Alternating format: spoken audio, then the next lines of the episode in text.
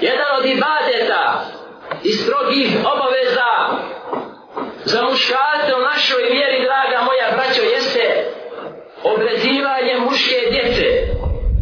Ili kao što je to kod nas poznato po terminu sunećenje.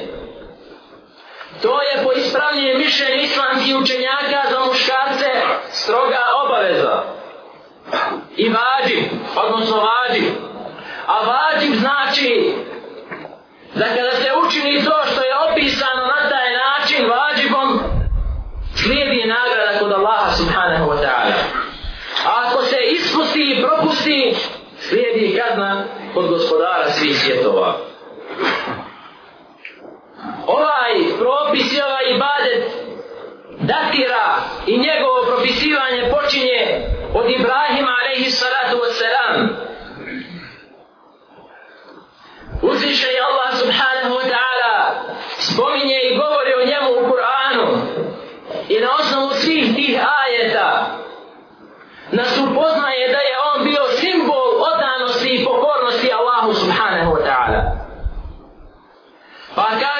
uzvišeni, a'udhu billahi min shaytan rajim.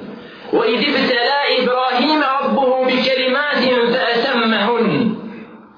Akada njegov gospodar iskuša Ibrahima sa riječima pa je on u potpunosti ispunio i odano izvršio koje su te riječi kojima je Ibrahim a.s. bio iskušan to su naravno jedna od tih stvari i riječi kojima je bio iskušan Rasulullah sallallahu alaihi wa sallam jeste uh, Ibrahim alaihi sallatu wa sallam jeste da mu je Allah naredio obrezivanje da se obreže u poznim godinama života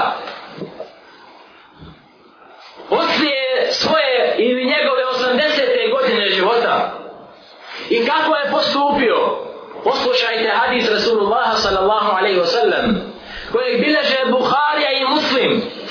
Najvjerodostojnije je dvije zbirke hadisa u islamu. Čiji su svi hadisi vjerodostojni? Od Resulullah sallallahu alaihi sallam. A ne bih urerete radijallahu anhu ala Rasulullah sallallahu alaihi sallam kal. Ihtetene Ibrahimu ba'de 80 sene, wa ihtetene bil qadum.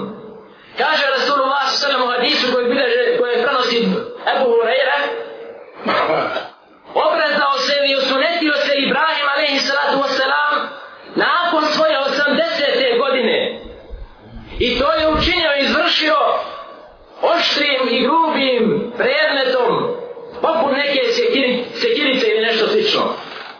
Subhanallah. Pogledajte njegove odanosti Allahu Jalla wa Ala.